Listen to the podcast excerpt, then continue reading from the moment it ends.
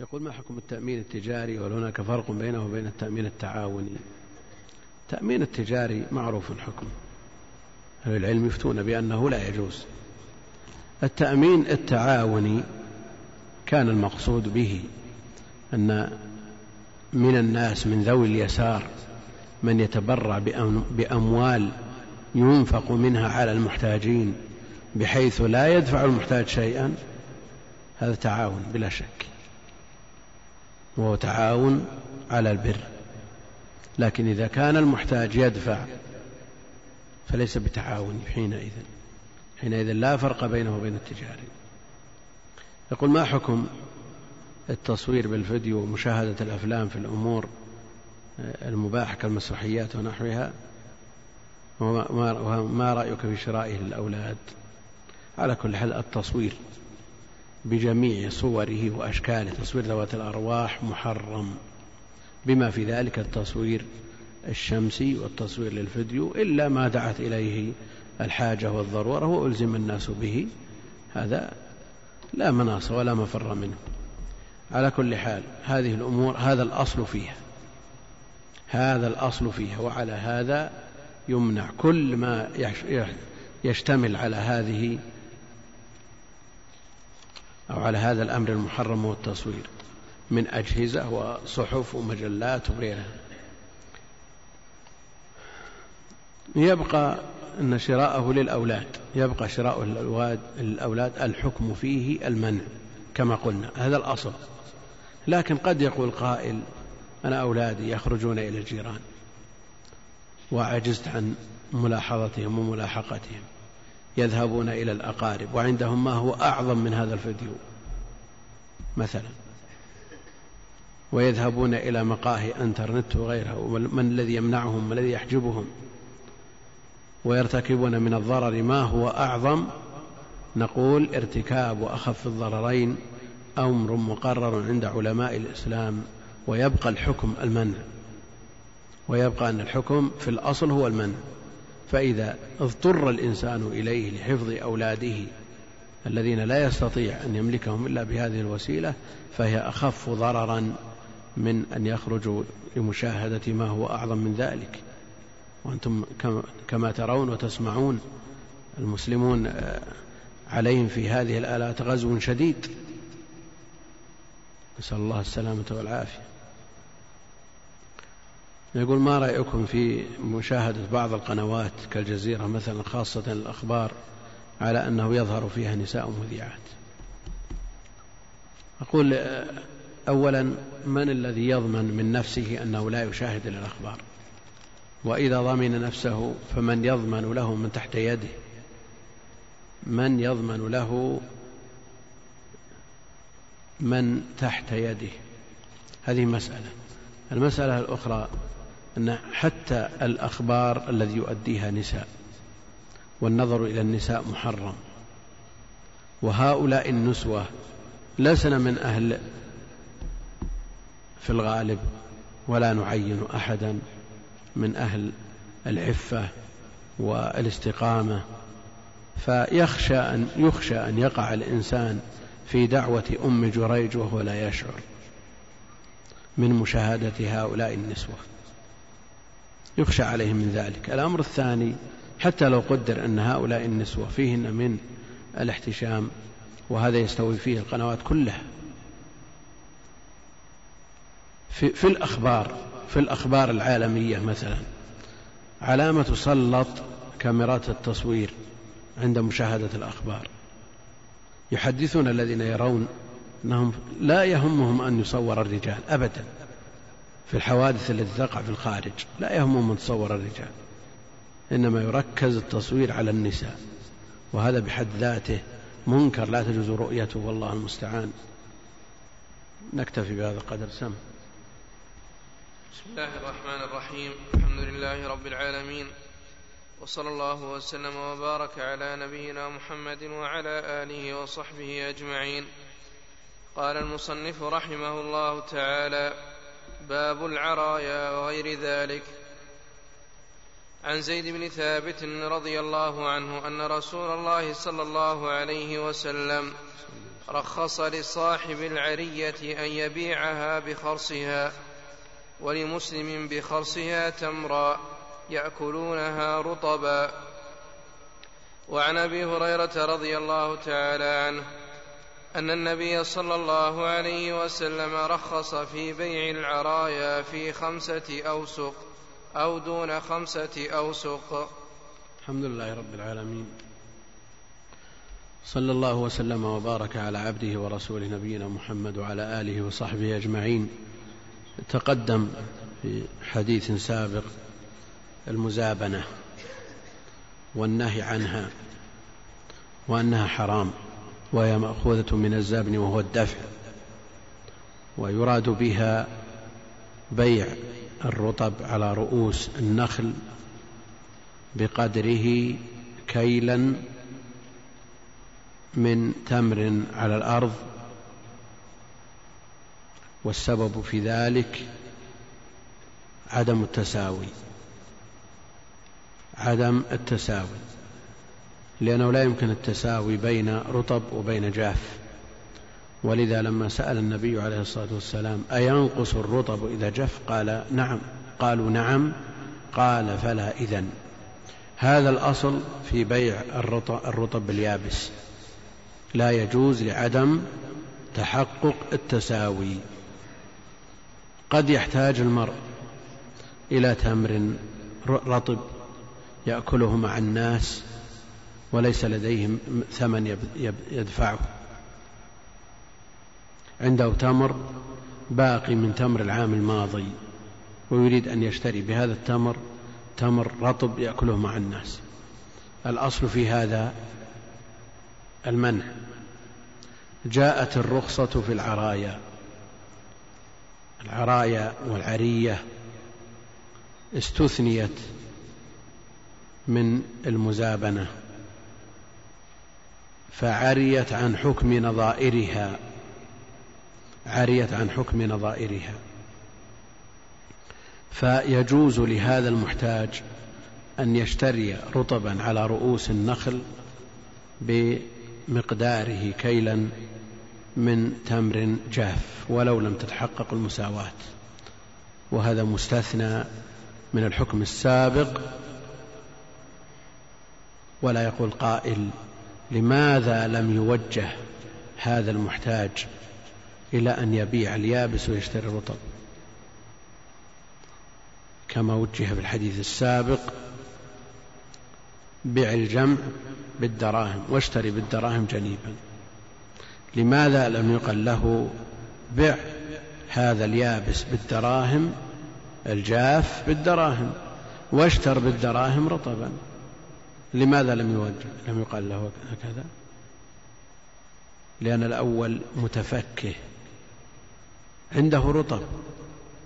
يبيعه برطب. وأما الثاني فهو يريد الرطب يأكل مع الناس. وعنده جاف لو باعه بالدراهم لخسر خسارة كبيرة. لا سيما إذا جاء التمر.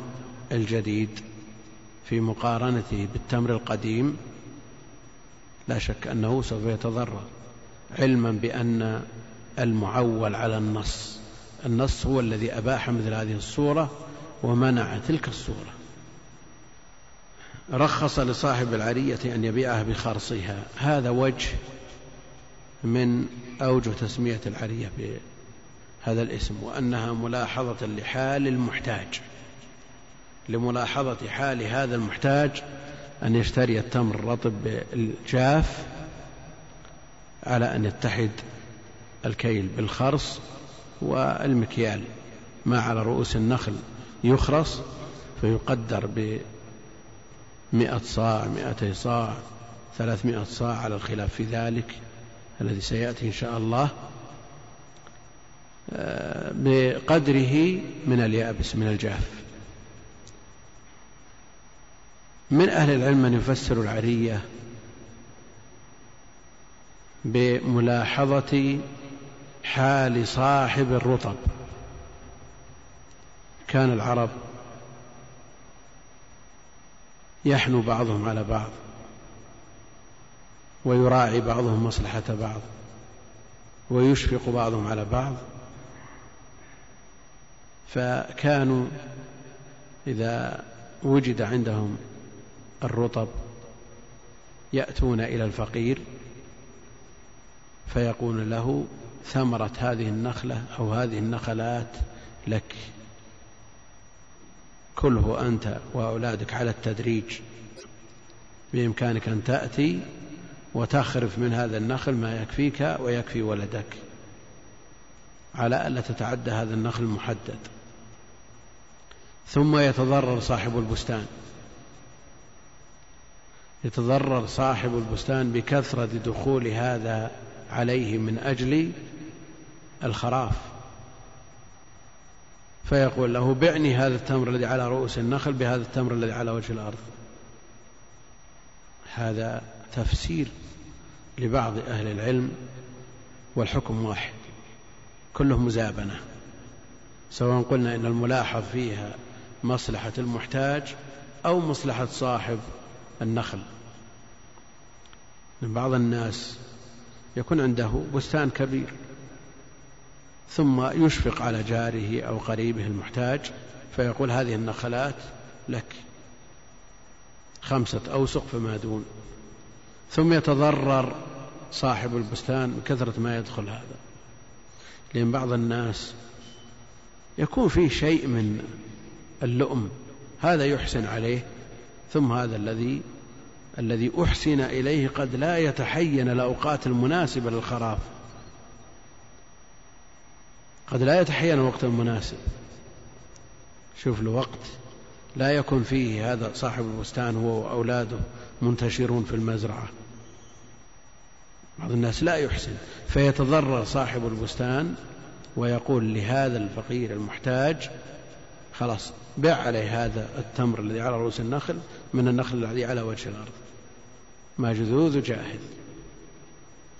رخص لصاحب العرية أن يبيعها بخرصها.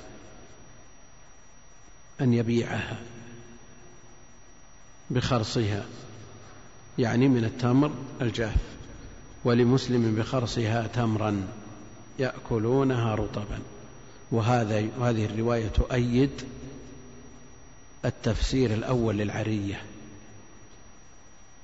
لمسلم بخرصها رخص لصاحب العرية أن يبيعها بخرصها تمرا يأكلونها رطبا وعن أبي هريرة أن النبي عليه الصلاة والسلام رخص في بيع العرايا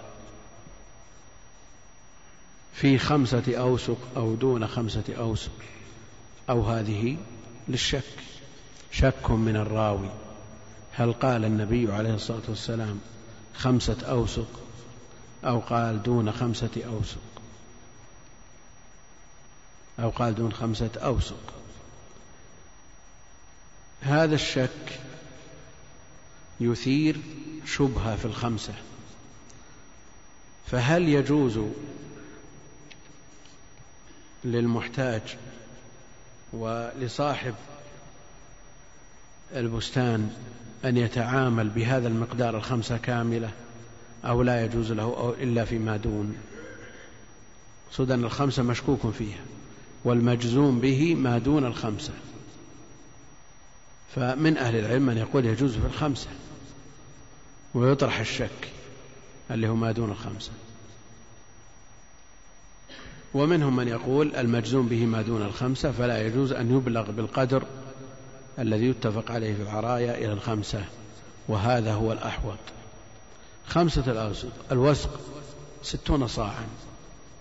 والخمسة الأوسق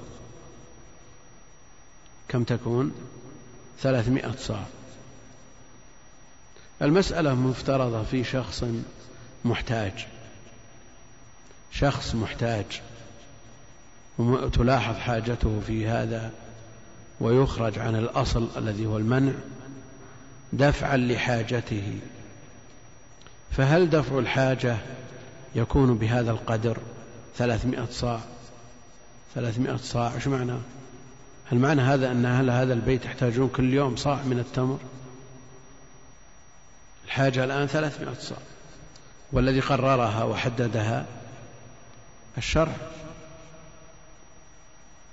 وإذا كانت حاجته أقل من ثلاثمائة صاع يجوز له أن يتعامل بهذه بهذا النوع. في الثلاثمائة كاملة أو يقتصر على قدر الحاجة لأنها على خلاف الأصل للحاجة والحاجة تقدر بقدرها. أو نقول إن أو هنا للتقسيم وليست للشك. وحينئذ بعض المحتاجين يحتاج إلى ثلاثمائة صاع وبعض المحتاجين يحتاج إلى دون خمسة أوسق دون ثلاثمائة صاع. وحينئذ تكون الحاجة بقدرها. فالذي لا يحتاج رجل وزوجته في بيت وهم محتاجون إلى أن يأكلوا رطب مع الناس. مثل هؤلاء يمكن يكفيهم وسق واحد. طول السنة يكفيهم وسق واحد. هل يجوز لهؤلاء أن يأخذوا خمسة أوسق؟ نقول هذا مقيد بالحاجة والحاجة تقدر بقدرها. لو افترضنا أن هذا المحتاج عنده أربعة بيوت. كل بيت مملوء عنده أربع زوجات وكل زوجة عندها عشرة أولاد. وهؤلاء بحاجة إلى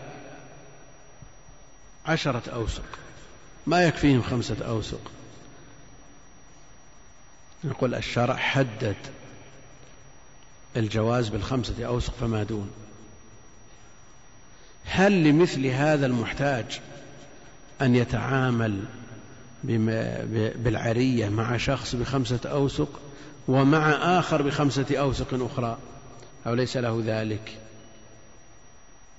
مسألة قيدت بالحاجة. ما قيدت بالحاجة؟ قلنا أنه إذا كانت حاجته تندفع بوسق واحد يجوز له أن يأخذ أكثر أو لا يجوز؟ لأن خلاف الأصل. لا يجوز. لكن إذا كانت حاجته لا تندفع إلا بعشرة أوسق. مثل ما قلنا أربعة بيوت كل بيت فيه عشرة أشخاص. لا يجوز له أن يتعامل مع شخص واحد بهذه الصورة. لكن لو قال أنا أتعامل مع هذا بالقدر المحدد شرعا وأذهب إلى آخر وأتعامل معه بالقدر المحدد شرعا وحينئذ لا تنتهي الحاجة. قد يتعامل مع ثالث ورابع ويتحايل على تحليل ما حرم الله من بيع المزابنة. وعلى هذا يمنع من الزيادة على خمسة أوسق مهما كانت حاجته. مهما كانت حاجته. والحاجة كما ذكرنا تقدر بقدرها لأن هذا جاء على خلاف الأصل لأن الأصل المنع في مثل هذا البيع. فأبيح أبيحت هذه الصورة للحاجة والحاجة تقدر بقدرها. نظير ذلك. من أذن له في الأكل من الميتة. هذا مضطر. إن لم يأكل من هذه الميتة يموت. أذن له أن يأكل من الميتة للضرورة. هل يجوز له أن يشبع باعتبار أنه أذن له أن يأكل؟ أو يأكل بقدر ما يقيم صلبه ويدفع به هذه الضرورة؟ يأكل بقدر حاجته. يأكل بقدر حاجته. ولذا لو غلب على ظنه أنه لا يجد شيئا في طريقه يشبع ولا ما يشبع؟ أو نقول احمل معك ما يدفع عنك هذه الضرورة إن احتجت إليه إذا غلب على ظنه أنه لا يجد وحينئذ يقال له لا تشبع لأن هذا إنما أبيح للضرورة والضرورة تقدر بقدرها. نعم. وعن عبد الله بن عمر رضي الله عنهما أن رسول الله صلى الله عليه وسلم قال من باع نخلا قد أبرت فثمرها للبائع إلا أن يشترط المبتاع. ولمسلم من ابتاع عبدا فماله للذي باعه إلا أن يشترط المبتاع. وعنه رضي الله تعالى عنه أن رسول الله صلى الله عليه وسلم قال من ابتاع طعاما فلا يبعه حتى يستوفيه وفي لفظ حتى يقبضه. وعن ابن عباس رضي الله عنهما مثله. نعم. حديث عبد الله بن عمر رضي الله عنهما أن رسول الله صلى الله عليه وسلم قال من باع نخلا قد أبرت أو أبرت بالتشديد والتخفيف والمراد بذلك معنى التأبير هو التلقيح. يؤخذ شيء من طلع الذكر من النخل ويوضع بين ما تنتجه الأنثى. هذا هو التأبير. من باع نخلا قد أبرت فثمرها للبائع. باع نخل. إلا أن يشترط المبتاع. النخل يطلق على إيش؟ على الجذع. نعم. والعسب والجريد وغيرها. وهل تدخل في الإطلاق؟ الثمرة أو لا تدخل. هل يدخل في إطلاق النخل؟ الثمرة أو لا يدخل. يعني لو قدر أن هذا الحديث ما هو موجود. هذا الحديث ما هو موجود. نفترض أنه ما وجد هذا الحديث. فعند زيد من الناس نخلة مشتملة على الجذع كامل والعسب والطلع أيضا. والتمر. هل يحتاج أن يقول أنا أشتري النخلة بثمرتها؟ أو يكفي أن يقول أشتري النخلة ويثبت تبعها كل ما حولها كل ما يطلق عليه الاسم. أو نقول النخلة شيء والثمرة شيء آخر. نعم. إيه، الثمرة موجودة. هذه نخلة. التمر يتدلى منها موجود. فقلت لزيد من الناس بعني هذه النخلة. يحتاج أن تقول بعني هذه النخلة بتمرها؟ أو لا يحتاج؟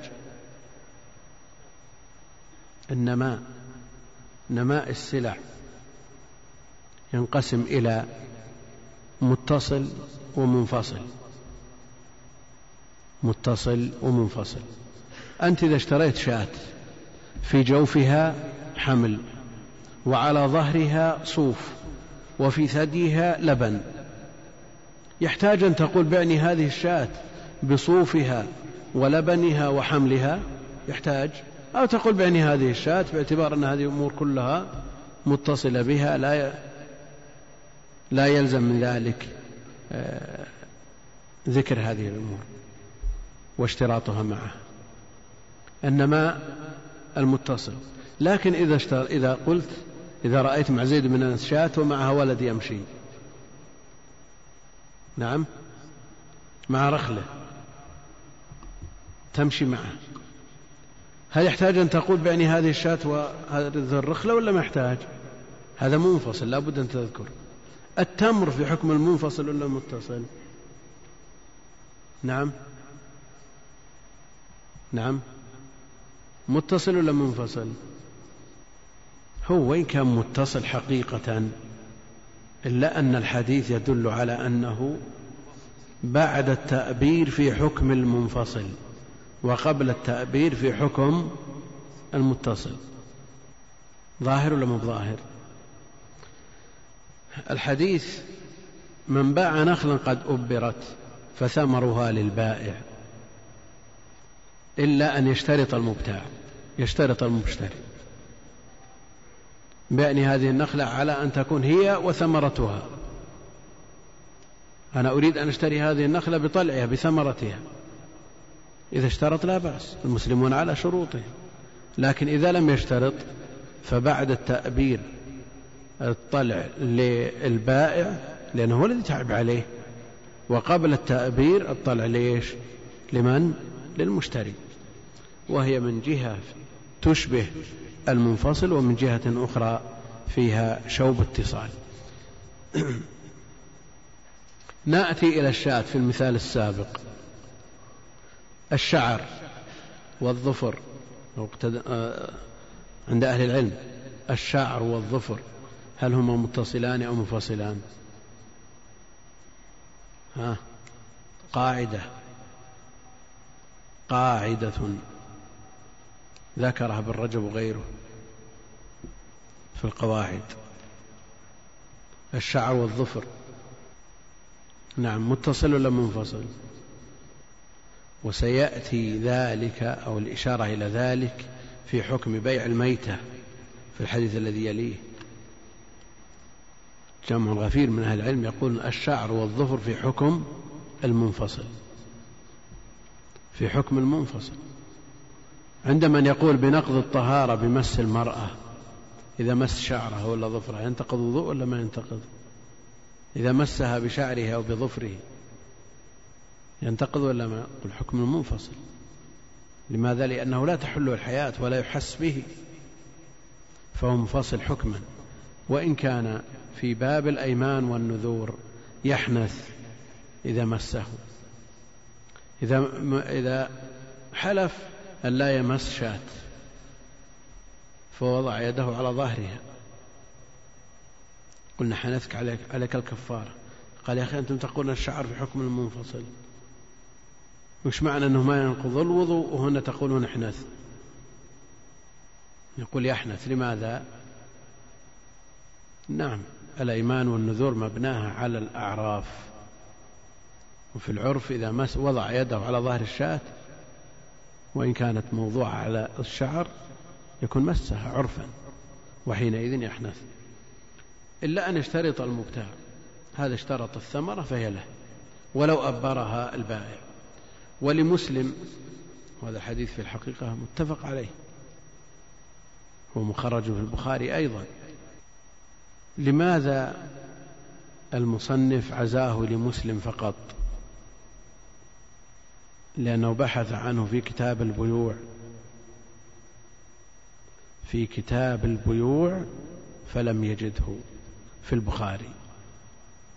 وحينئذ حكم عليه أنه ليس بالبخاري كثير من أهل العلم يحكمون على أحاديث معزوة للبخاري أن هذا وهم ولا يوجد في البخاري. لأن البخاري له ملاحظ دقيقة قد يجعل الحديث في غير مظنته. لأمر خفي دقيق لحظه لم يحظه غيره. هذا من فقهه رحمه الله. فالإمام رحمة الله عليه كثير من أهل العلم يقول حديث ضباعة بنت الزبير في الاستثناء في الحج لم يخرجه البخاري والواقع أن البخاري خرجه. لماذا؟ قالت إني أريد الحج وأجدني شاكية. قال حجي واشترطي فإن لك على ربك ما استثنيت. بعض العلماء قال ما خرجه البخاري هو في البخاري. لماذا؟ لأنه وجد بحث عنه في كتاب الحج في الإحصار في الفوات في ما في شيء. من يتصور أن البخاري يضع هذا الحديث في كتاب النكاح؟ من يتصور أن البخاري يضع هذا الحديث في كتاب النكاح لمعنى دقيق جدا.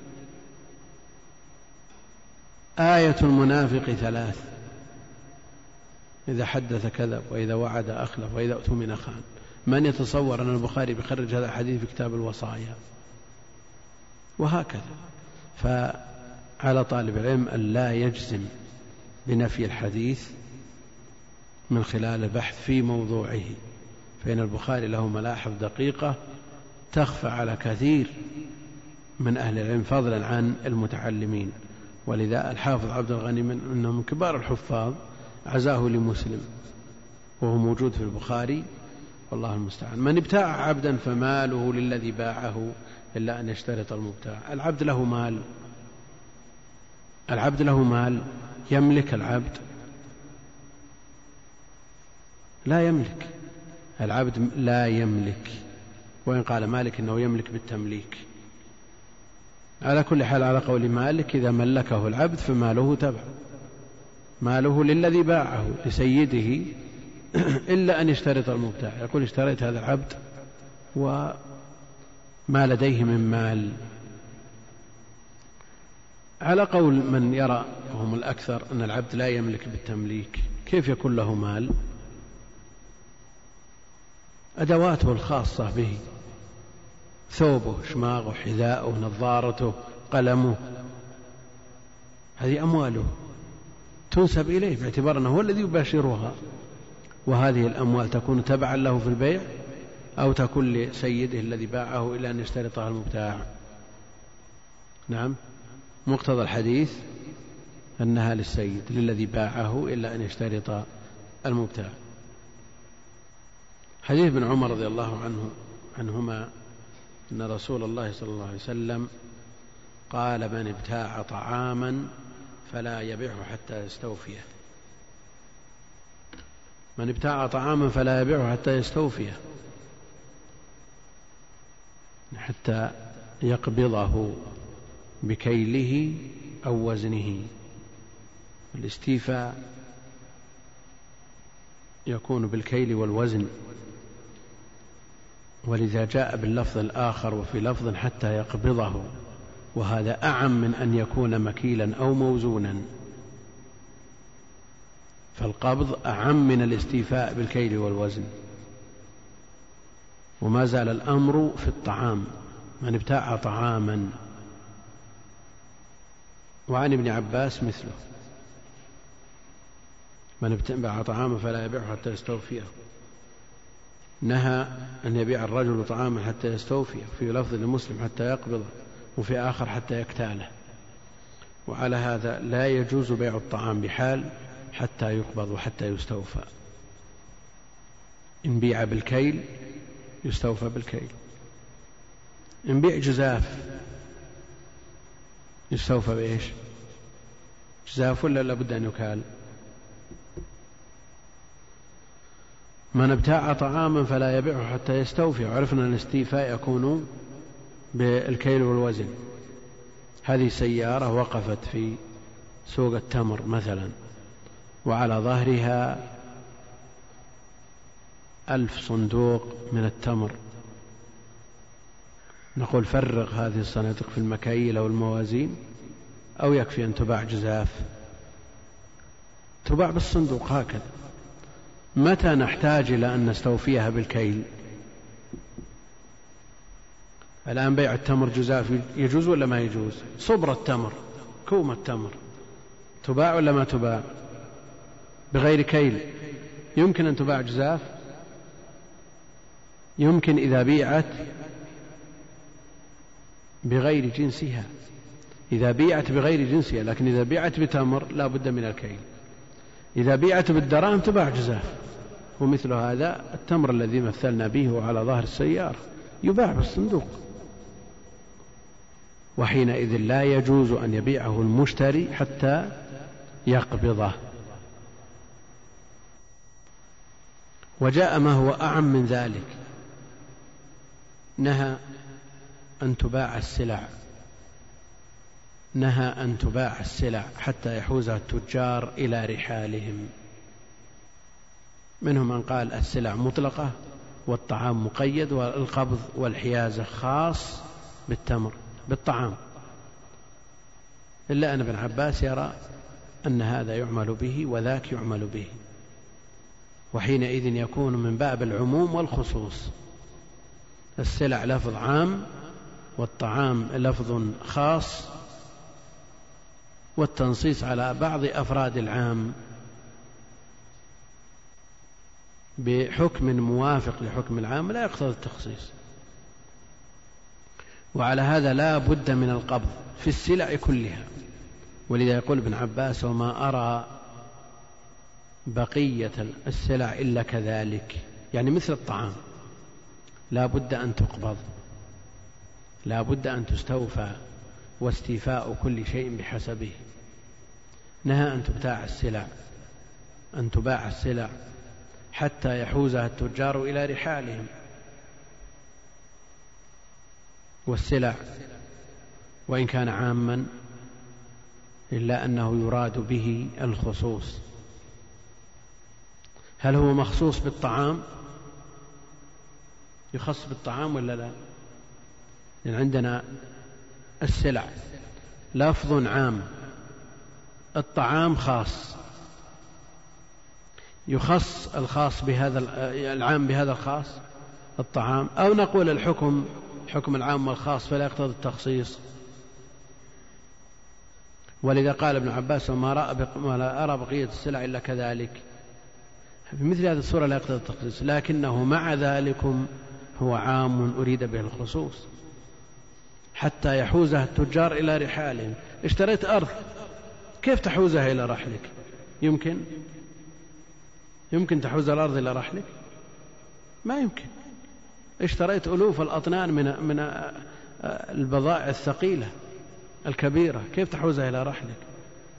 ما لا يمكن حيازته إلى الرحل يقبض بالتخلية. يخلى بينك وبينه. وعلى وحينئذ يقول جمع من أهل العلم أو جمهور أهل العلم أن قبض كل شيء بحسبه. قبض كل شيء بحسبه. على كل حال لا يجوز لك أن تتصرف في السلع حتى تقبضها. إن كانت طعاما فلا بد من حيازتها وإن كانت غير طعام فالأمر فيها أخف لوجود الخلاف لكن إذا أمكن نقلها فهو الأصل وإن لم يمكن فبالتخلية. السلعة طعام. والمثال الذي ذكرناه شخص جاء بسيارة. على ظهرها مئات الصناديق من التمر. وحرج عليها في سوق التمر باعه. كم الصندوق؟ خمسة عشر عشرين ثلاثين نصيبك. هذا الذي اشترى يريد أن يبيع. هل نقول يلزمك أن تحوز هذا التمر إلى رحلك ثم تبيعه متى شئت؟ أو نقول يكون حكم حكم السلع الأخرى اقبضه مثل ما تقبض غيرهم من السلع. أو نقول هذا طعام لا بد أن تستوفيه وأن تحوزه إلى رحلك ثم بعد ذلك تأتي به لتبيعه.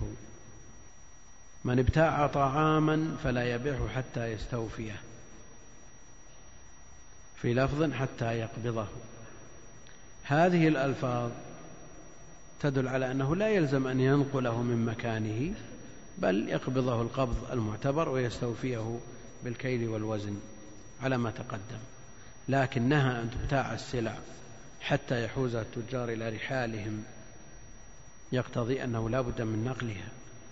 وحينئذ تخرج هذا التمر من السوق ثم إذا أردت أن تجلبه يوم آخر وهذا هو الأحوط.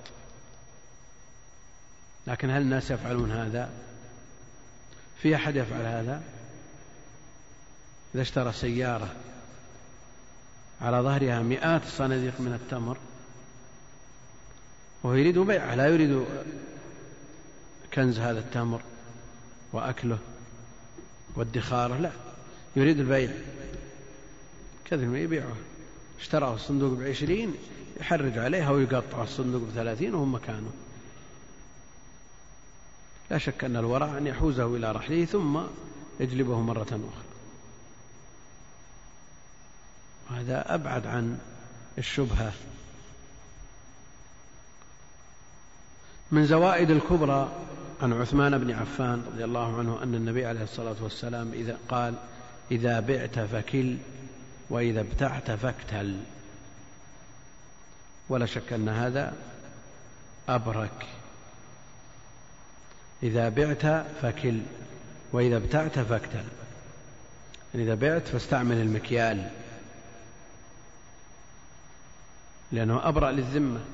وإذا ابتعت إذا اشتريت فاكتل والحديث معلق في البخاري. بصيغة التمريض ويذكر عن عثمان. ومقتضى الرمز خاء أنه في البخاري أصل من الأصول. لأن علامة التعليق غير علامة تخريج الأصول. رمز التعليق إيش؟ خاء تاء خط بهذا نعرف أن البخاري خرجه معلقا. وهنا قال خاء. ففي هذا إيهام أن البخاري خرجه في الأصول.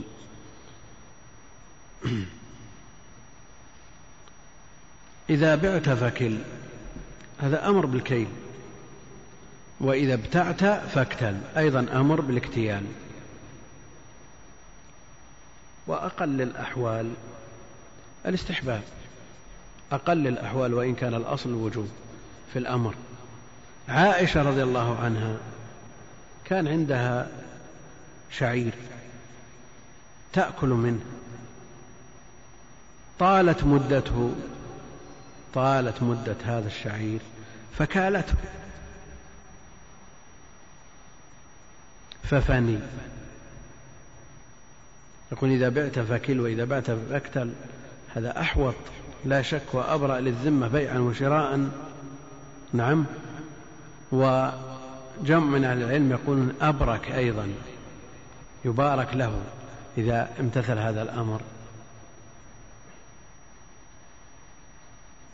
نعم. عائشة لما كالت الشعير فني. وقبل اكتياله تأكل منه مدة طويلة وهو شيء يسير. كان مبارك ولما كالته فني. ذهبت عنه البركة. ما وجه ذلك؟ ما وجه ذلك؟ السلعة قبل تمام ملكها إنما تملك بالكيل. والاستيفاء الدقيق. إبراء للذمة. إبراء للذمة. فإذا ملكت. هذا الشعير مئة صاع. ابتعته اكتل هات الصاع وكله. واحدا بعد الآخر حتى تتم المئة. لا شك أن هذا أبرأ للذمة. فإذا اشتريته وتم ملكك عليه وديته للبيت سواء كان شعير حنطة تمر حينئذ لا تكله. لئلا تنزع منه البركة. لماذا؟ لأن مسألة الكيل. كل يوم تدخل للمستودع زاد نقص. نعم. تعدد. ما شاء الله هذا بقي واحد اثنين ثلاثة أربعة. ليش نقص هذا ليش زاد هذا؟ بالمستودع. مثل هذا يدل على عدم الثقة بالله عز وجل. أن تواثق بما عندك من التموين على ما يقول الناس. ليش زاد واحد ليش نقص واحد؟ اتركه فإذا انتهى قالوا انتهى وهات غيره. لا تكن دقيقا في مثل هذه الأمور ليبارك لك في ذلك. وبعض الناس إذا دخل البيت أول ما ينحر المستودع. ليش زاد هذا؟ ليش نقص هذا؟ هذا يعاقب بنزع البركة. ومن فوض أمره إلى الله واعتمد عليه واتكل عليه وترك الأمور كما هي تمشي بالبركة على ما يقول الناس يبارك له فيه. ومتى ما فني؟ متى ما انتهى يقال هات. ومن هذه الحيثية الدقة في الحسابات. أيضا. دليل على شيء من آه، عدم الثقة بالله عز وجل. قد يقول قائل بعض الناس يحسبون بدقة الميزانية الراتب كذا يخرج منه كذا لكذا وكذا وكذا وهذا على مستوى الدول وعلى مستوى الأفراد الميزانيات. وبعض الناس يأتي بالراتب ويرميه بالصندوق وكل يوم يسحب منه ما يحتاج ويبارك له فيه ودليل على أنه واثق بالله مطمئن بما عنده. لماذا؟ لأن هذه الدنيا ليست مقصد. هي دار ممر ليست دار مقر. لكي تحسب وتتعب نفسك وتفني عمرك فيما لا ينفع. زاد نقص. انتهى فني. ليش؟ الرسول عليه الصلاة والسلام يقول ما أحب أن يكون لي مثل أحد ذهبا؟ تأتي علي ثالثة وعندي منه دينار. إلا دينارا أرصده لدين. ثم قال إلا أن أقول به هكذا وهكذا وهكذا. ينفقهم بين يديه من خلفه عن يمينه وعن شماله. هذا الأصل. والله كم بقي بالراتب كم انتهى من الراتب كل يوم يحاسب وكل يوم يحاسب. هذا دليل على عدم الثقة بالله عز وجل. ولذا لما كالت عائشة رضي الله عنها الشعير فني. والذي يترك أموره ويسرف وينفق على نفسه وعلى من تحت يده مع التوسط والاعتدال غير إسراف ولا تقتير تجعل يدك مغلولة إلى عنقك ولا تبسطها كل البسط. إن المبذرين كانوا إخوان الشياطين.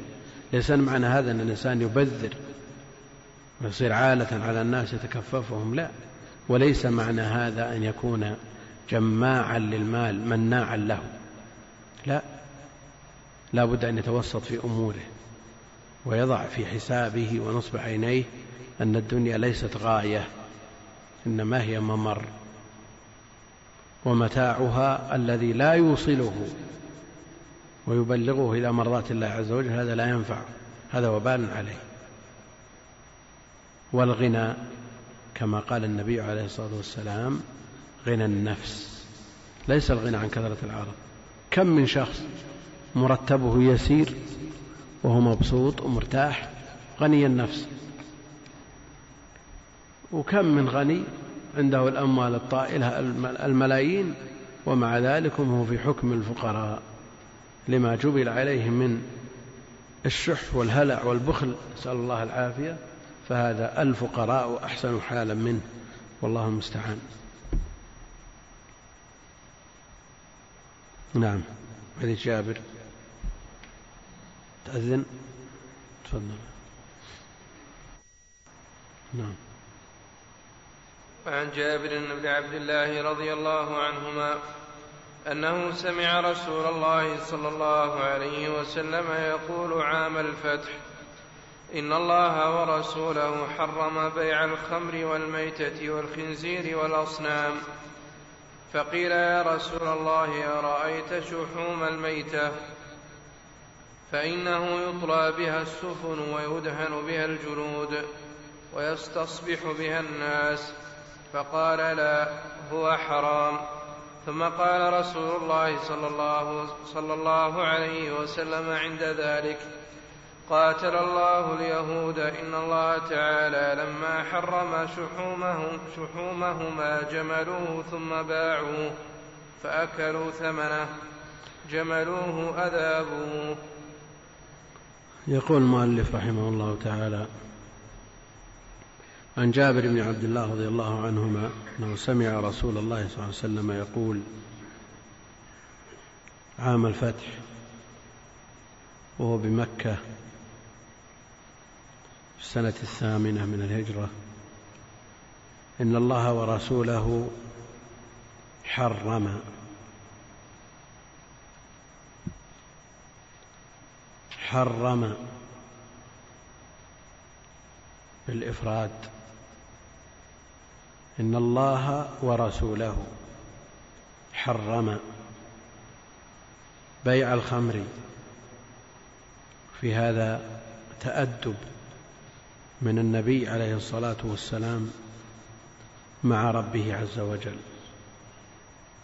إن الله ورسوله حرم ما قال حرما لئلا يضم ضميره إلى ضمير الله عز وجل. وجاء الإنكار من النبي عليه الصلاة والسلام على الخطيب الذي قال ومن يعصهما فقد غوى فقال بئس خطيب القوم أنت قل ومن يعص الله ورسوله فقد غوى لئلا يتوهم متوهم أن مرتبة النبي عليه الصلاة والسلام تساوي أو تداني مرتبة الله عز وجل. فمن خطر على باله ذلك لا يجوز له بحال أن يثني الضمير في مثل هذه الصورة. جاءت التثنية أن يكون الله أن يكون الله ورسوله أحب إليه مما سواهما. إن الله ورسوله ينهيانكم في حديث أبي إيش؟ عن لحوم الحمر الأهلية. جاءت التثنية فمن أهل العلم من يقول أن للنبي عليه الصلاة والسلام أن يثني وليس لغيره أن يفعل ذلك.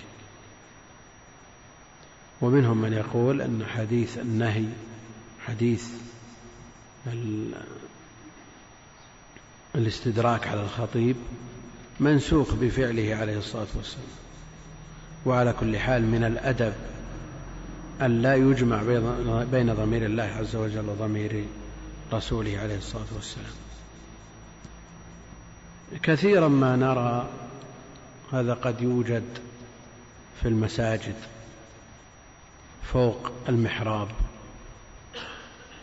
فوق المحراب. دائرة مكتوب فيها الله وهنا محمد.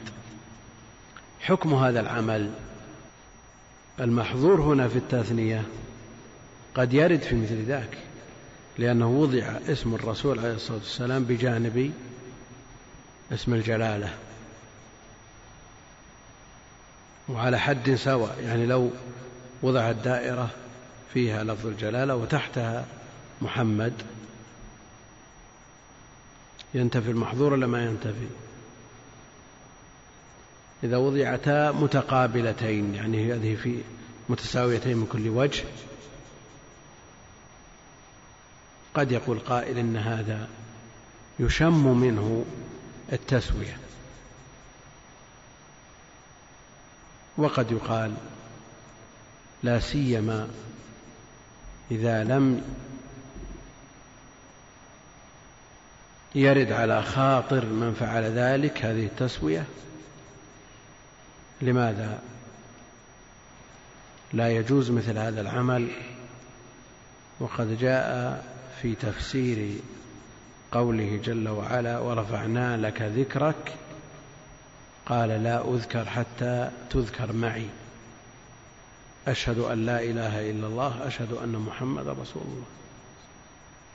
من هذه الحيثية لا مانع أن يذكر مثل هذا وأنه لا يذكر الله إلا يذكر معه النبي عليه الصلاة والسلام لأن الله هو الذي رفع ذكره. لكن إذا شككنا أو كنا في بلد أو مجتمع قد يخطر على بال أحد من أولئك أن التسوية ينبغي أن يمنع سدا للذريعة أحيانا يكتب لكنهم لا يجعلونه في صف واحد. لا يجعل في صف واحد. أحيانا يكتب في بعض الدوائر لا سيما العسكرية. الله فوق ثم تحتها من هنا المليك ثم الوطن. هذا ما في مساواة. المحظور لو, لو جعلت في صف واحد. نعم. مع أنه من وجهة نظري ينبغي أن لا يكتب مثل هذا. بالكلية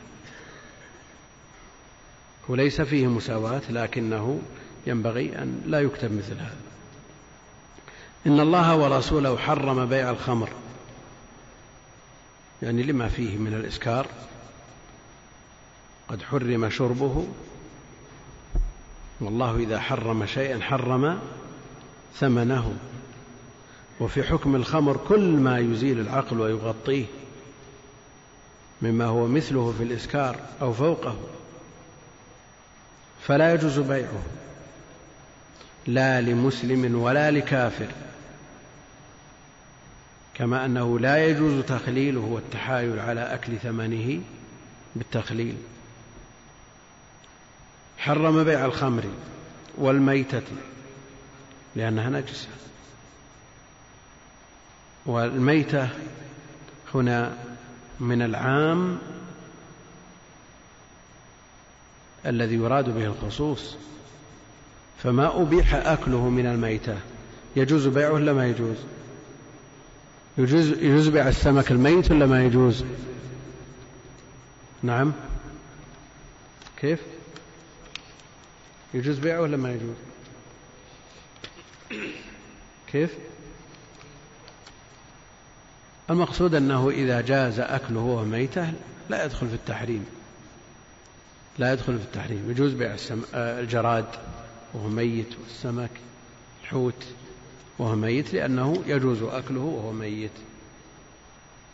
والخنزير الخنزير محرم. يقول هذا جيب ذهبي يرجى منه أن يخرجه لأنه مقفل على أحد الإخوة. الخنزير محرم إجماعا. حرمت عليكم الميتة والدم ولحم الخنزير فهو مجمع على تحريمه على تحريم أكله وتبعا لذلك يحرم ثمنه فلا يجوز بيعه حينئذ. والأصنام التي هي سبب ضلال الإنسان في القديم والحديث فبيع الأصنام محرم اتفاقا. إذا بيعت على هيئتها مع بقاء اسمها. لكن لو قدر أن هذه الأصنام أو الصلبان من ذهب وأذيبت وصارت ذهب خام يستفاد منه أو لا يستفاد؟ نعم يستفاد منه لأنها في الأصل طاهرة. والمنع منها إنما هو لأمر طارئ وهو عبادتها من دون الله عز وجل. ما دام المنع منها لأمر طارئ وزال هذا المانع فإنه حينئذ يجوز بيعها. سواء زال بنفسه بأن وقعت وتحطمت أو احترقت وذابت أو أزاله الآدمي بخلاف الخمر فإنه لا يجوز بيعها ولا يجوز التحايل على بيعها بتخليلها أما إذا تخللت بنفسها فإنه حينئذ لا مانع من بيعها خلا. فقيل يا رسول الله أرأيت شحوم الميتة؟ الميتة. الميتة بجميع ما تحويه من جلد ولحم وعظم وكرش ولبن وأنفحة وما أشبه ذلك. يستثنى من ذلك الجلد إذا دبغ. أيما إهاب دبغ فقد طهر. يستثنى من ذلك الشعر والظفر لأنه في حكم المنفصل. الحنفية وبه يقول شيخ الإسلام يقول العظم لا تحله الحياة فإذا لا يدخل في مسمى الميتة فيجوز بيعه. الانفحة كذلك اللبن كذلك يجوز بيع لبن الميتة لأنه مما لا تحله الحياة. حينئذ يجوز بيعه. مثل الشعر مثل الظفر والجمهور على جم... تحريم بيع جميع ما حواه الجلد مع استثناء ما استثني من جلد الميتة. هل انتفعتم بإهابها قل إنها ميتة. قالوا إنها ميتة. قال دباغ الأديم طهوره. في رواية زكاة الأديم دباغه. أيما إهاب دبغ فقد طهر. أيما هذا من صيغ العموم المغرقة في التعميم فالدباغ مطهر للجلد. أيا كان نوعه وأصله. يدخل في ذلك جلد المأكول وغير المأكول. كله يطهر بالدباغ لعموم أيما إهاب دبغ فقد طهر. يبقى النظر في جلود السباع. والنهي عن استعمالها مع طهارتها يبقى النهي عن استعمالها. فقيل يا رسول الله أرأيت شحوم الميتة؟ فإنه يطلى بها السفن. يعني استفاد منها في غير الأكل والشرب الشحوم شحوم الميتة نجسة لكن تستعمل في الاستصباح. تدهم بها الجلود تطلى بها السفن. تطلى بها السفن من أجل إيش؟ نعم. السفن من خشب فيطلى بها السفن لئلا تشرب الماء لأن الدهن ينبو عنه الماء ينبو عنه الماء فلا يشرب الخشب الماء. يطلى بها السفن وتدهن بها الجلود تلين الجلود إذا كانت يابسة طليت بالدهون لانت ويستصبح بها الناس. يعني قبل الكهرباء كانت المصابيح تضاء بالشحوم. بالشحوم. قال عليه الصلاة والسلام لا. هو حرام. لا هو حرام.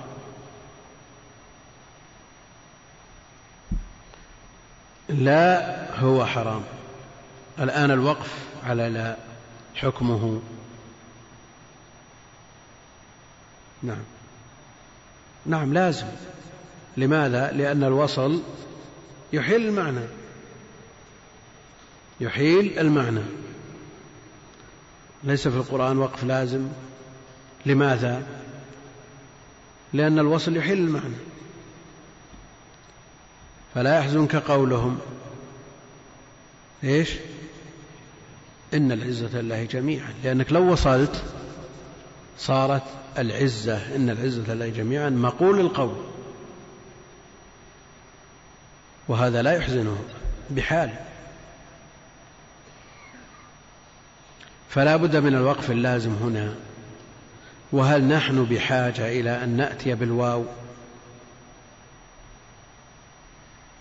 إذا قلت لشخص تفضل فقال لا أغناك الله. يحتاج أن تقول لا وأغناك الله. أو تقف وقف لازم على ضوء ما جاء في الكتاب والسنة ويكفي. في البلاغة يلزمون بالواو هذه. نعم. لكن نصوص الوحيين ليس فيها هذه الواو. لا وسلمك الله.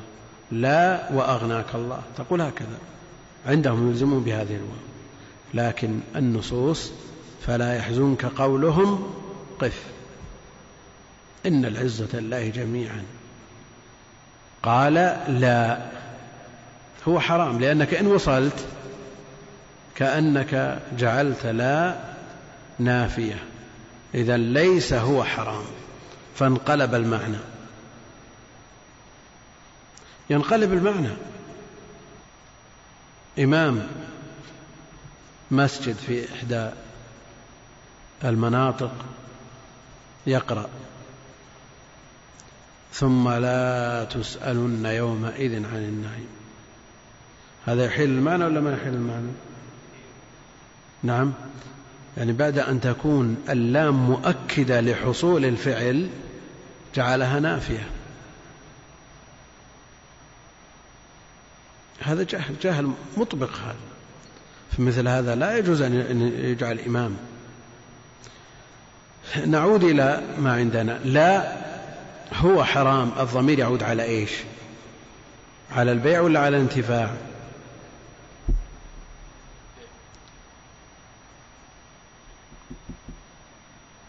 نعم. على البيع ولا على الانتفاع؟ يجوز أن تنتفع بالدهن المتنجس أو النجس ولا يجوز أن تبيعه. إذا قلنا إنه يعود على البيع ويجوز الانتفاع. وإذا قلنا إنه لا يجوز الانتفاع ومن باب أولى لا يجوز البيع.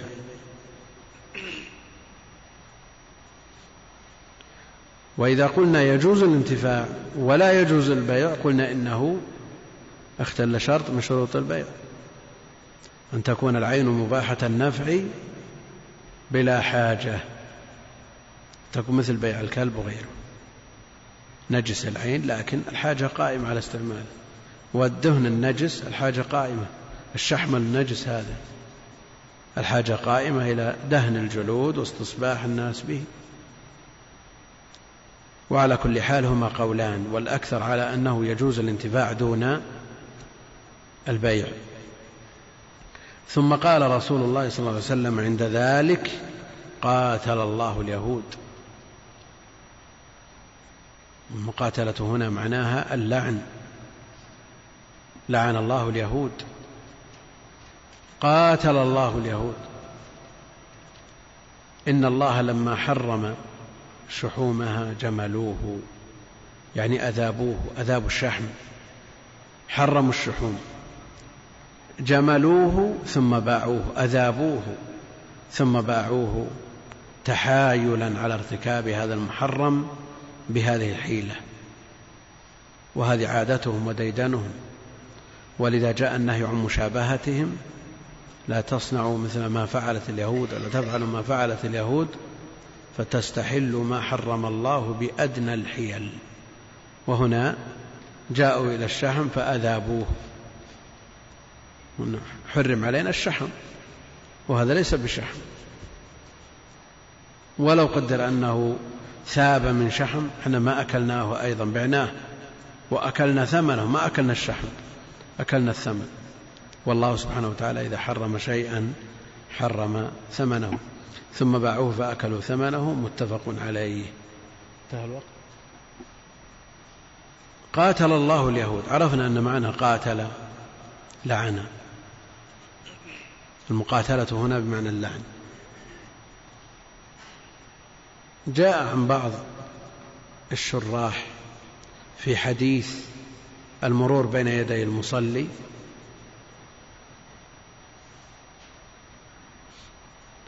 إذا صلى أحدكم إلى شيء يستره فأراد أحد أن يجتاز بين يديه فليدفعه. فإن أبى فليقاتله. فإن أبى فليقاتله. وفي رواية فإن معه القرين قال بعضهم يقاتله بالسب والشتم لأن المقاتلة تطلق ويراد بها اللعن. أن إذا أراد أن يمر دفعه ما على كلام إيش؟ ماذا يصنع؟ نعم. يلعنه بالصلاة. فليقاتلهم بالسب والشتم كم على ما جاء في الحديث. قاتل الله اليهود يعني لعنهم. فليقاتله يعني ليلعنه هو بالصلاة وكأنه فر من لفظ المقاتلة. كيف؟ هل عنده سلاح ليقاتله؟ إيش معنى يقاتله؟ معناه يدفعه بما هو أشد من الدفع الأول حتى ينتهي. وليس معنى هذا أنه مجهز المسدس مخباته وممر. نعم لا ليس هذا. ليس هذا ولا ذاك. ليس معناه أنه يقتله وليس معناه أنه يشب يسبه ويشتمه ويلعنه. لا إنما يدفعه دفعا أشد ويطلق على المقاتل المدافعة الشديدة يطلق عليها مقاتلة. يطلق عليها المقاتلة. والله المستعان. اللهم صل وسلم وبارك على عبدك ورسولك محمد وعلى آله وصحبه أجمعين. الأسئلة يا الأخوان ما أدري كيف نصنع بها. كثيرة جدا. الأسئلة كثيرة جدا. يقول يقترح هذا. وما يقترح وما أسحن اقتراح لكن يقترح أن يجاب على الأسئلة الخاصة بالدرس. ويمكن التنبيه على الإخوة. يعني يقصد الأسئلة الخاصة بموضوع البيوع وما يمر بنا من مسائل يجاب عليه وما عدا ذلك يترك. على كل حال بعض الأسئلة وإن كانت خارج الدرس ولا وبعيدة عن الدرس إلا أنها لها من الأهمية ما يجعلها تستحق التقديم على غيرها. والآن الأسئلة كثيرة جدا يعني تحتاج إلى وقت طويل والله المستعان. اللهم صل وسلم وبارك على عبدك ورسولك محمد وعلى آله وصحبه أجمعين. السلام عليكم ورحمة الله وبركاته. الحمد لله رب العالمين وصلى الله وسلم وبارك على عبده ورسوله نبينا محمد وعلى آله وصحبه أجمعين. عدد كبير من الأسئلة. يقول في حديث ابن عمر قول النبي عليه الصلاة والسلام فإن خير أحدهما الآخر فتبايع على ذلك فقد وجب البيع. وإن تفرقا فقد وجب البيع. السؤال ملفق الحقيقة ما هو يقول ما الفرق بين وجوب البيع في الجملة الأولى وبين وجوب البيع في الجملة الثانية؟ كأنه يشير إلى الفرق بين خيار المجلس وخيار الشرط. فخيار المجلس ينتهي بالتفرق بالأبدان وعليه يلزم البيع فلا يكون لأحد مندوحة من الطرفين من لزومه إلا بالإقالة على ما ذكرنا. وأما إن اشترط الخيار مدة معلومة أو اشترط اللا خيار فقد وجب البيع في الحال. يقول من اشترى مصرات وأراد إرجاعها بعد مضي أكثر من ثلاثة أيام فهل يثبت لا لا يثبت له الخيار. إذا مضى عليه أكثر من ثلاثة أيام فقد انتهت مدة الخيار. يقول هل يجوز الخروج من المسجد بعد الأذان بقصد تجديد الوضوء مع أنه متيقن مع العلم أنه متيقن من الطهارة أم أن هذا داخل في النهي؟ النهي فقد عصى أبا القاسم صلى الله عليه وسلم إذا خرج بعد الأذان كما قال الصحابي أما هذا فقد عصى أبا القاسم. ومثل هذه المعصية لا تعارض بأمر مستحب إلا إذا كان يفوت مثلا هو إمام مسجد إمام مسجد ويحضر درس في مسجد آخر فإذا أذن يذهب ليصلي بجماعته لا بأس حينئذ. أما مسألة تجديد الوضوء فلا. يقول اقتطعت أرضا قبل ثلاث سنوات. قصدت ثم أكملت القسط الأخير قبل شهر. فما تحل الزكاة ما متى تحل عليها من أول قسط؟ الآن هو مشتري ولا بايع هذا؟ ما, ما ذكر شيء.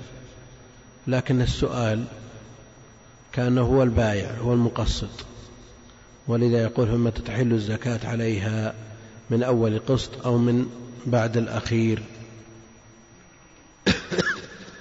الديون التي في ذمم الناس إن كانت مؤجلة فلا يبدأ حولها إلا بعد حلول أجلها. وإن كانت حالة غير مؤجلة فالدين الذي على ملي له حكم والذي على معسر له حكم. لكن مثل هذا يقصد قصد أراض على الناس باع أرض على زيد من الناس بثلاثمائة ألف أقساط شهرية لمدة ثلاثين شهر كل شهر عشرة آلاف. لما حال عليه الحول تحصل بيده اثنى عشر قسط وعليه أن يحسب حول كل قسط بحسبه إذا حال الحول على القسط الأول زكاه إذا حال الحول على القسط الثاني زكاه وهكذا بيع بعض الوكالات مثل وكالة إيش للسيارات بالتأجير فما الحكم بيع بالت... كيف بيع بالتأجير بيع بالتأجير كيف يكون بيع بالتأجير هذا البيع الذي اشتهر عند الناس البيع بالتأجير المنتهي بالتمليك والذي أفتى أهل العلم بتحريمه وتحريمه ظاهر لأن السلعة عائرة لا يعرف ضامنها هل هي على المشتري أو على البائع. فإذا تلفت السيارة التي أبرم عليها هذان العقدان التأجير والبيع إذا تلفت فمن ضمان من؟ البائع يقول الضمان على المشتري. لأني بعت وانتهيت والمشتري يقول لا أنا ما اشتريت أنا مستأجر والضمان على مالكها. ولذا حرم أهل العلم مثل هذه الصورة. لكن هناك بيع. بيع معروف أنه بيع وإن سمي تأجير. يسمونه تأجير من أجل أن يحفظ البائع حقه. تستمر السيارة باسم صاحبها الأول فإذا انتهى آخر قسط من الأقصاد انتقلت إلى أو نقلت إلى ملك الثاني. هذا كأنه بيع تام إلا أنه برهن.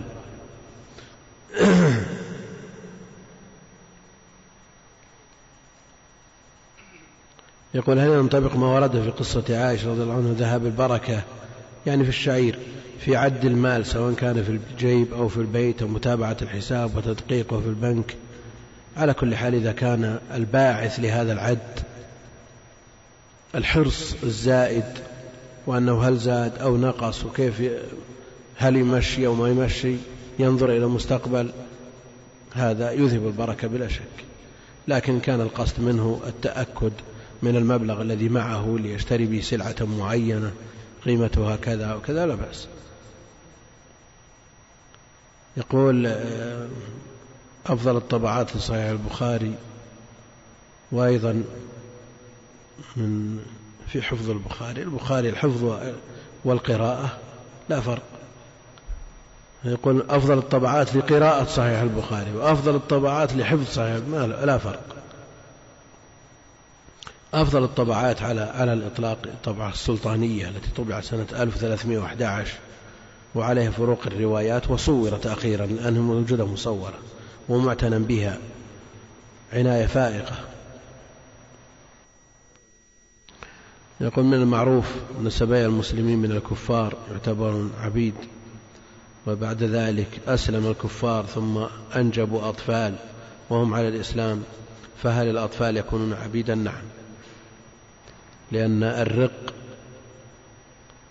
عجز حكمي سببه الكفر في البداية ثم يتناسل هؤلاء وإن أسلموا وإن أسلموا يثبت عليهم حكم الرق حتى يتم تحريرهم والشرع يتشوف العتق على ما سيأتي في حديث بريرة إن شاء الله تعالى. ما ذكرنا الأسئلة كثيرة جدا لا يمكن الإجابة عنها كلها. سم. بسم الله الرحمن الرحيم.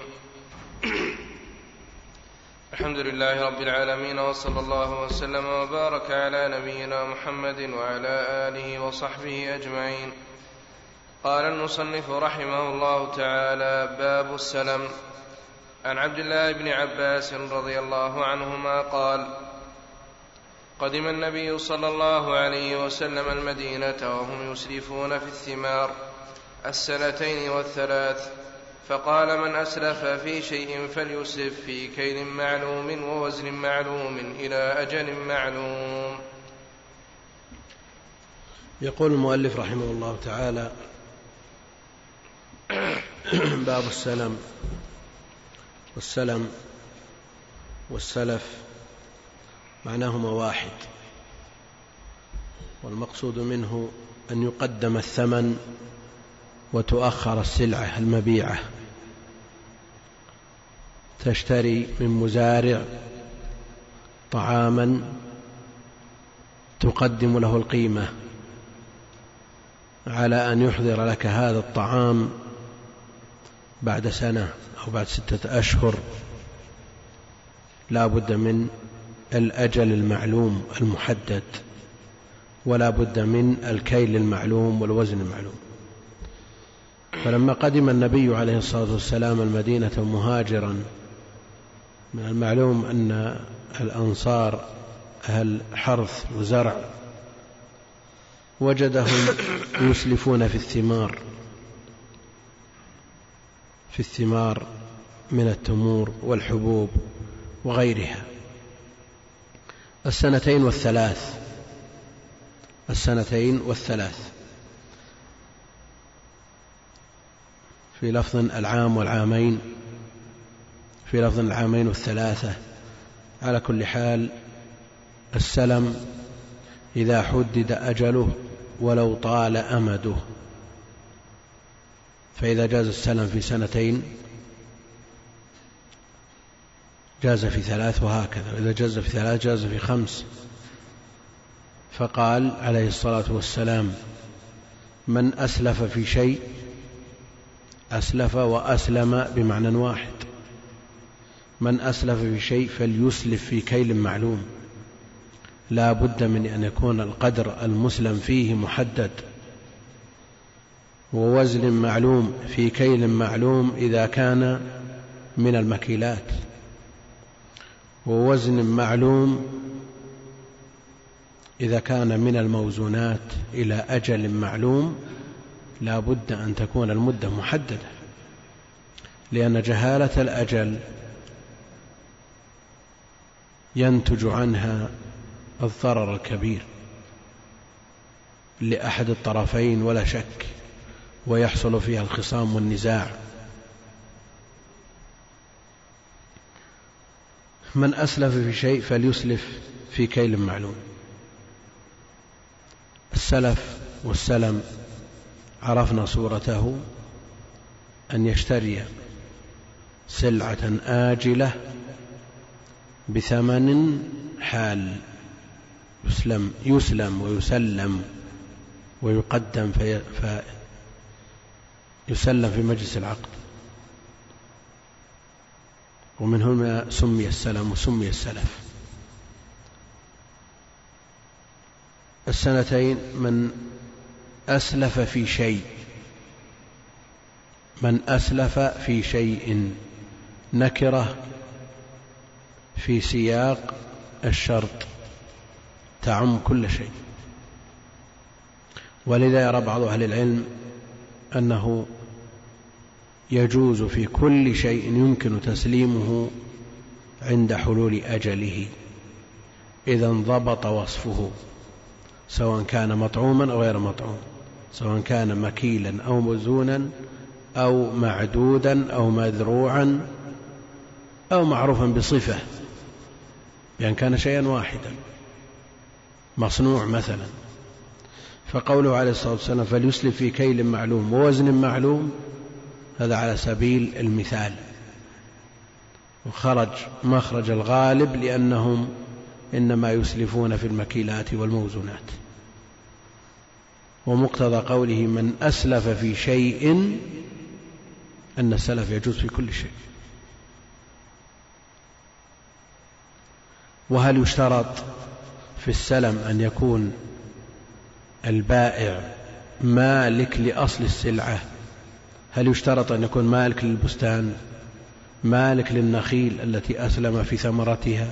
مالك للأشجار التي أسلم في نتاجها.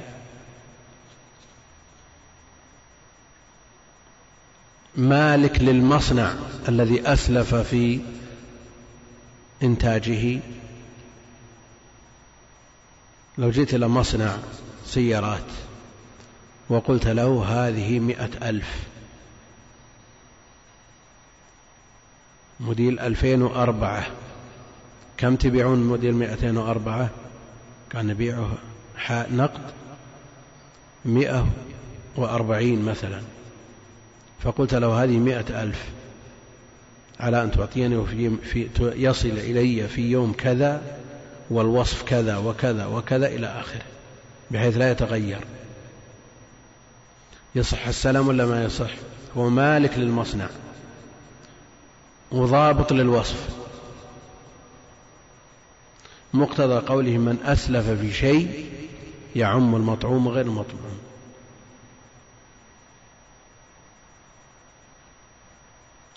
إذا أتيت شخص لا يملك مصنع زميل لك في العمل أو جار لك وقلت له أنا أريد جمس موديل 2004 يعني مضمون أن يصل الجمس 2004 حسب تقديرهم.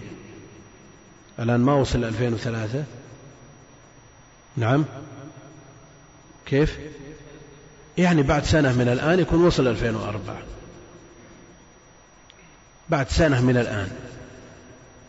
في سبعة ثمانية ألف وأربعمائة وأربعة وعشرين. يغلب على الظن أنه يصل. زيادة يوم ونقص يوم ما مشكلة هذا.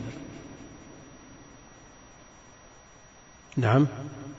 أو من باب الاحتياط يقول هذه مئة ألف تحضر لي جمس ألفين وأربعة يوم عيد الفطر. يكون ما في احتمال أنه ما وصل. زميله في العمل أو جاره ما عنده مصنع.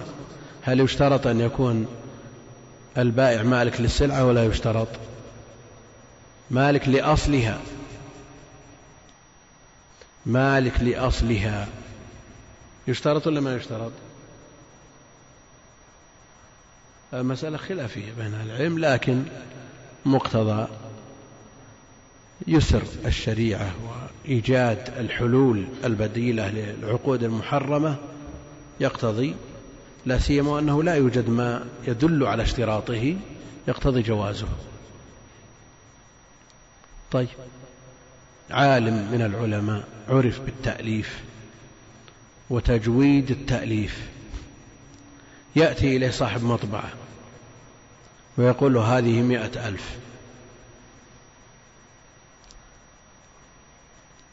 على أن تؤلف لي تفسير للقرآن في خمسة مجلدات كل مجلد ثلاثين ملزمة وضبط من كل وجه. خمسة مجلدات في كل مجلد ثلاثين ملزمة هذه مئة ألف. يصح السلام على أن تسلم لي هذا التفسير خلال سنة يعني بعد سنة من الآن أو بعد سنتين. السلام صحيح ولا ليس بصحيح؟ الثمن معلوم والأجل معلوم والقدر معلوم. والحرف يعني يمكن ضبطه بدقة. الحرف رقمه كذا الورق مقاسه كذا يمكن ضبط الأمور بدقة. يصح ولا ما يصح؟ ها؟ يصح. إذا نظرنا إلى القضية مجردة وقسناها على الصنائع والحرف قلنا الأصل جوازه لكن يبقى ما الباعث لهذا العالم على هذا التأليف الذي يبتغى به وجه الله؟ العلم الذي يبتغى به وجه الله. ما الذي بعثه وما الذي نهزه على التأليف؟ نعم. المبلغ. إذا يجوز ولا ما يجوز؟ نعم. فرق بين أن يكون الشيء مما يبتغى به وجه الله وأن يكون من أمور الدنيا. لا شك أن هذه المئة ألف تعين هذا العالم على أن يتفرغ للتأليف ونفع الناس. لكن يبقى يبقى أن هذا الأمر لا سيما العلم الشرعي الذي يبتغى به وجه الله لا يجوز أن يكون الباعث عليه طلب الدنيا. لا يجوز بحال أن يكون الباعث عليه طلب الدنيا. وإلا الأمور منطبقة تماما. يأتي إليه ويقول بعد سنتين من تاريخ اليوم سبعة ثمانية ألف وأربعمائة وخمسة وعشرين. هذه مئة ألف. على أن تحضر لي في هذا التاريخ المحدد تفسير في خمسة مجلدات تفسير للقرآن في خمسة مجلدات. كل مجلد ثلاثين ملزمة مثلا. منضبط. لكن يبقى أن هذا العلم مما يبتغى به وجه الله. فلا يجوز أن يكون الباعث عليه أمر الدنيا. أما ما عدا ذلك من الأمور التي هي في الأصل للدنيا يؤلف له قاموس في الطب مثلا. إيش المانع؟ فيه ما يمنع؟ نعم. ليس فيه ما يمنع. يؤلف له في أي علم من العلوم التي لا يبتغى بها وجه الله. يعني في الأصل وإلا بالإمكان أن الصانع يبتغي بصناعته وجه الله. الزارع المزارع يبتغي بزراعته وجه الله.